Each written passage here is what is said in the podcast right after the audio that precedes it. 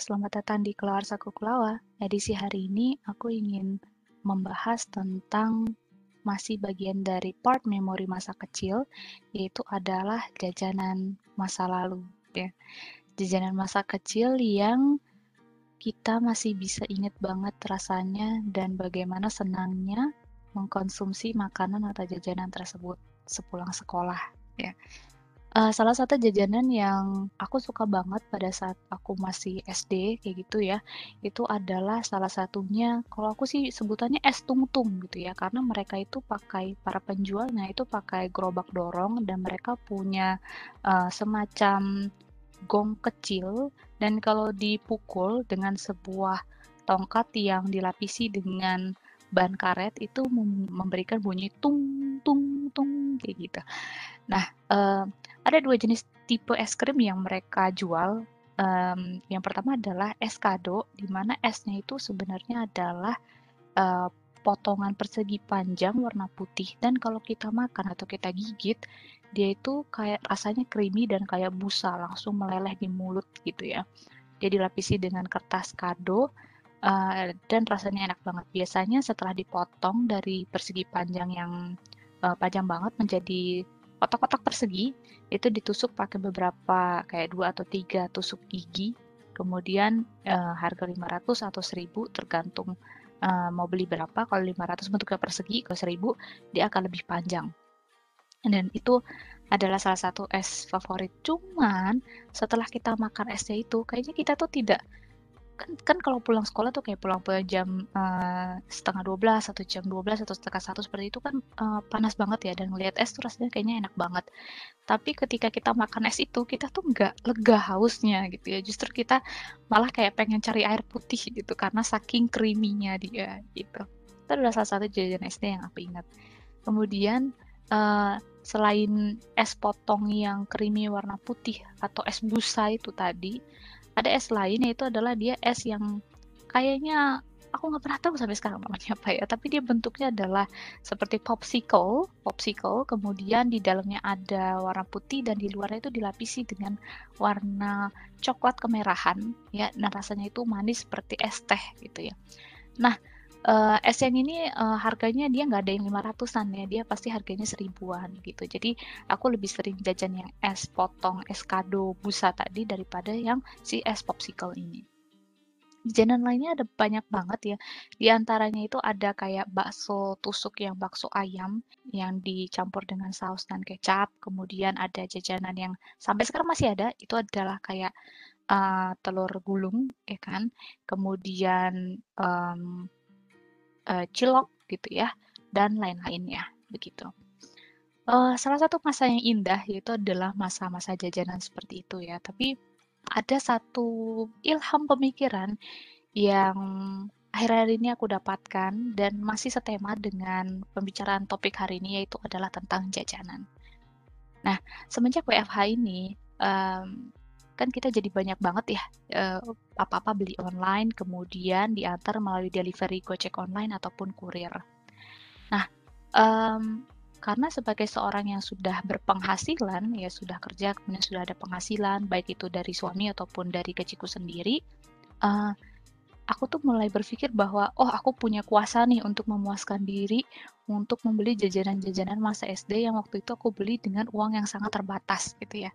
Aku masih ingat banget waktu itu kayak aku berusaha menyisihkan jajan karena kan jajan tuh terbagi dua tahap ya yaitu adalah pertama jajan pas pada saat jam sekolah pada saat jam istirahat sekolah dan jajan setelah pulang sekolah ya kan sebelum kita pulang dengan jemputan atau dijemput oleh orang tua Nah, biasanya kalau anak-anak tidak tidak mampu mengendalikan dirinya, ya dia akan habis jajanin uangnya di, di saat istirahat jam sekolah gitu ya. Dan pada saat dia pulang, ya dia akan langsung duduk di jemputan atau ya sebutannya itu kayak uh, ngintilin temennya atau minta bagi jajan temennya gitu.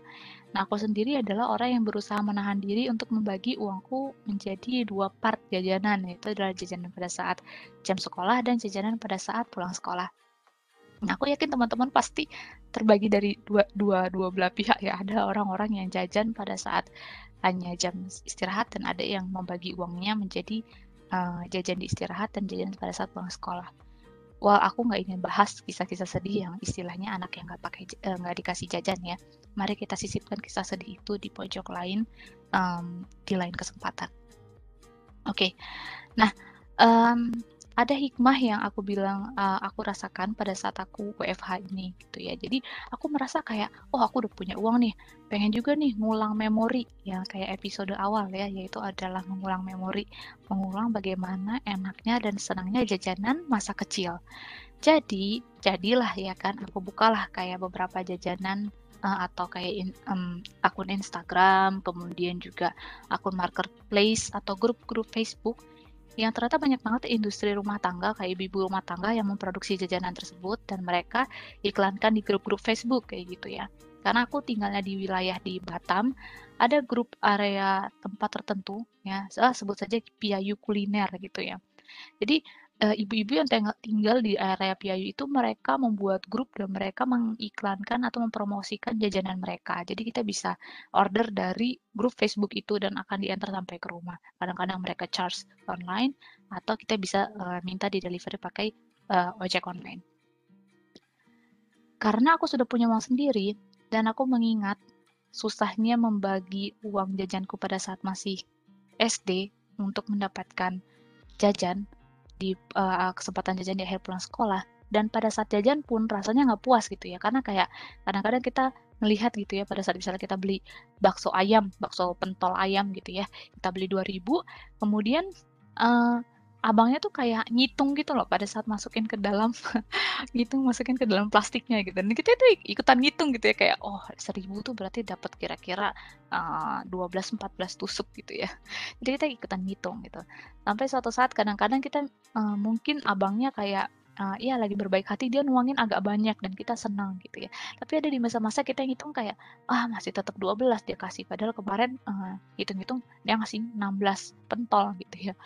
Jadi karena mengingat mempunyai memori seperti itu aku merasa bahwa kayaknya wah kali ini aku pengen uh, melampiaskan dan memuaskan uh, perasaan masa kecilku dulu yang nggak pernah terpuaskan dengan jajanan gitu ya dengan uangku sekarang gitu. Jadi mulailah pencarianku terhadap jajanan-jajanan masa lalu dan mengordernya dan mengirimkannya ke rumah. Sampailah pada suatu tahap ternyata nggak sama rasanya cuy gitu ya rasanya nggak sama gitu susah banget apa saya harus ikutan antri di tahu nggak sih lingkungan SD pada saat pulang sekolah anak-anak SD untuk mendapatkan cita rasa yang sama Wah, kayaknya enggak deh ya. Kayaknya masih punya rasa malu deh untuk melakukan itu. Tapi mungkin kalau suatu saat ada kesempatan ya aku akan melakukan itu. Tapi ya ternyata rasanya nggak sama gitu ya uh, aku kayak sampai coba ke beberapa penjual gitu ya. Jadi aku nggak coba sekali dua kali beli gitu ya. Aku coba beberapa kali dan nggak ada rasa yang sama. Nah, salah satu yang aku cobain adalah uh, bakso pentol ayam. Kemudian yang aku coba beli lagi itu adalah es tong-tong itu tadi gitu ya. Dan ternyata rasanya beda banget. Rasanya nggak sama, nggak seenak dulu gitu ya. Aku nggak tahu apakah uh, cita rasanya itu memang penjualnya yang tidak ahli untuk membuat atau memori masa kecilku tuh waktu itu sangat senang untuk memakan es potong itu sehingga rasanya jadi beneran nikmat pada saat aku masih kecil. Jadi ya aku masih belum benar-benar find out apa yang membuat itu nggak enak ya. Tapi however rasanya nggak sama gitu. Cuman di suatu hari ada temanku membagikan video di WhatsApp dan itu benar-benar hits me gitu ya. Itu kayak benar-benar menyadarkanku akan satu hal gitu ya. Bahwa ternyata ternyata pada di awal aku WFH tadi aku merasa bahwa aku udah punya uang cukup nih untuk jajan puas jajanan masa SD ku. Ternyata setelah menonton video itu itu menyadarkanku satu hal. Meski aku punya uang banyak bisa jadi aku tidak bisa mengembalikan memori atau rasa yang sama yang pernah ada. Jadi uang bisa berarti kayak nggak bisa memberi membeli kenangan yang dulu ada gitu loh. Ceritanya itu tentang kayak gini. Cerita videonya itu cerita simple. Jadi ceritanya itu adalah seorang uh, bakso pentol keliling. Dia uh, menjajakan jualannya di sore hari. Kemudian disetopin sama salah seorang bapak gitu ya di sebuah prokomplekan rumah yang well, cukup bagus lah perumahan. Pada saat disetopin abangnya itu uh, oke okay, berhenti gitu ya terus si bapak itu bilang gini, e, "Saya beli semuanya," katanya gitu. Eee, "Ini uangnya," gitu kan. Jadi si bapaknya itu kaget, "Loh kenapa dibeli semuanya?" Gitu. Eee, terus si "Saya nggak mau jual," kata bapak penjualnya.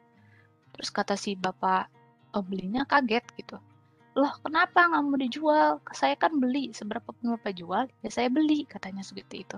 Eee, "Kan Bapak akan enak kalau jualannya cepat laku semuanya, eee, udah dapat uang, bisa pulang lebih cepat lagi ya kan, bisa nyantai-nyantai di rumah gitu. Toh jualannya laku," katanya gitu, kata si bapak yang mau beli. Terus si bapak penjualnya bilang, "Ya jangan dibeli semuanya lah, nanti kalau dibeli semuanya saya jualan apa?" katanya. Wah itu lucu juga sih ya. Terus si bapak pembelinya bilang, "Ya Bapak nggak usah jualan karena jualannya udah laku semua. Tapi ini masih baru jam 4, masih awal sore gitu. Saya biasanya pulang itu menjelang maghrib. Ya udah Bapak santai-santai aja di rumah atau e, jualannya sudah laku gitu ya." "Ya nggak bisa gitu, nanti saya bilang apa ke istri saya kalau saya udah pulang jam segini?" katanya. "Ya bilang aja jualannya udah laku," gitu kan. "Terus gimana dengan anak-anak yang menanti saya?" katanya. Nah, di sini yang benar-benar hits me gitu ya. Ini yang benar-benar, um, mengetuk pintu hatiku gitu ya. Mereka udah nungguin saya gitu ya. Mereka akan membeli dengan seribu dua ribu katanya. Lah, tapi kan Bapak udah dapat semua uangnya dari saya. Bapak nggak usah mengharapkan seribu dua ribu dari anak-anak itu. Bukan, katanya gitu kan. Anak-anak itu mereka berharap bisa membeli jajanan dengan uang seribu dua ribu bakso saya. Kalau saya nggak lewat, terus mereka jajan bakso mana bisa seribu dua ribu ke warung bakso, katanya gitu. Jadi nanti mereka sedih karena tukang baksonya nggak lewat. Mereka nggak bisa jajan dengan uang seribu atau dua ribuan. Itu yang si tukang jualnya bilang. Baru setelah itu si pembeli sadar. Oh, ternyata membantu doesn't seems like membantu gitu loh. Membantu si penjual baksonya itu untuk membeli seluruh dagangan ya bukan berarti benar-benar membantu gitu ya. Walaupun ya memang niatnya baik, tapi bisa jadi nggak sepenuhnya baik gitu ya. Dengan dalam tanda kutip ya, arogansi membeli seluruh jualannya, ya mungkin point of view dari si pemilik uang, si pembeli tadi adalah membantu melariskan makanan si penjual. Tapi Ternyata di satu sisi ada anak-anak kecil yang mereka hanya diberi jajan 1000-2000 oleh orang tuanya atau orang tuanya tidak mampu memberi jajan lebih sehingga hanya bisa kasih 1000-2000 dan yang diharapkan datang adalah si tukang bakso jualan itu tadi gitu. Dan kalau saat seandainya jajanannya itu sudah habis duluan dan tidak lewat, maka anak-anak yang berharap bisa beli bakso dengan 1000-2000 tadi bersedih, kecewa gitu ya. Dan mungkin mereka ya nggak bisa beli jajanan bakso gitu ya. Mereka mungkin bisa beli jajanan lain, tapi mungkin memang nggak memuaskan mereka nggak bisa merasakan bakso gitu ya dengan uang seribu dua ribu. Di sini uh, apa ya? Dia memberikan hikmah kepadaku bahwa walaupun aku punya uang, bisa jadi aku tidak bisa sepenuhnya melakukan kuasa terhadap langsung memberi membeli uh, jajanannya atau melariskan seluruh jajanannya ya. Kalau memang punya uang dan ingin memberi, ya beri aja gitu. Ya, jadi kalau misalnya ingin melariskan jajanan, ya bantu lariskan gitu ya, bukan dengan uh, membeli semua kemudian uh, merasa bahwa benar-benar menolong kayak gitu ya.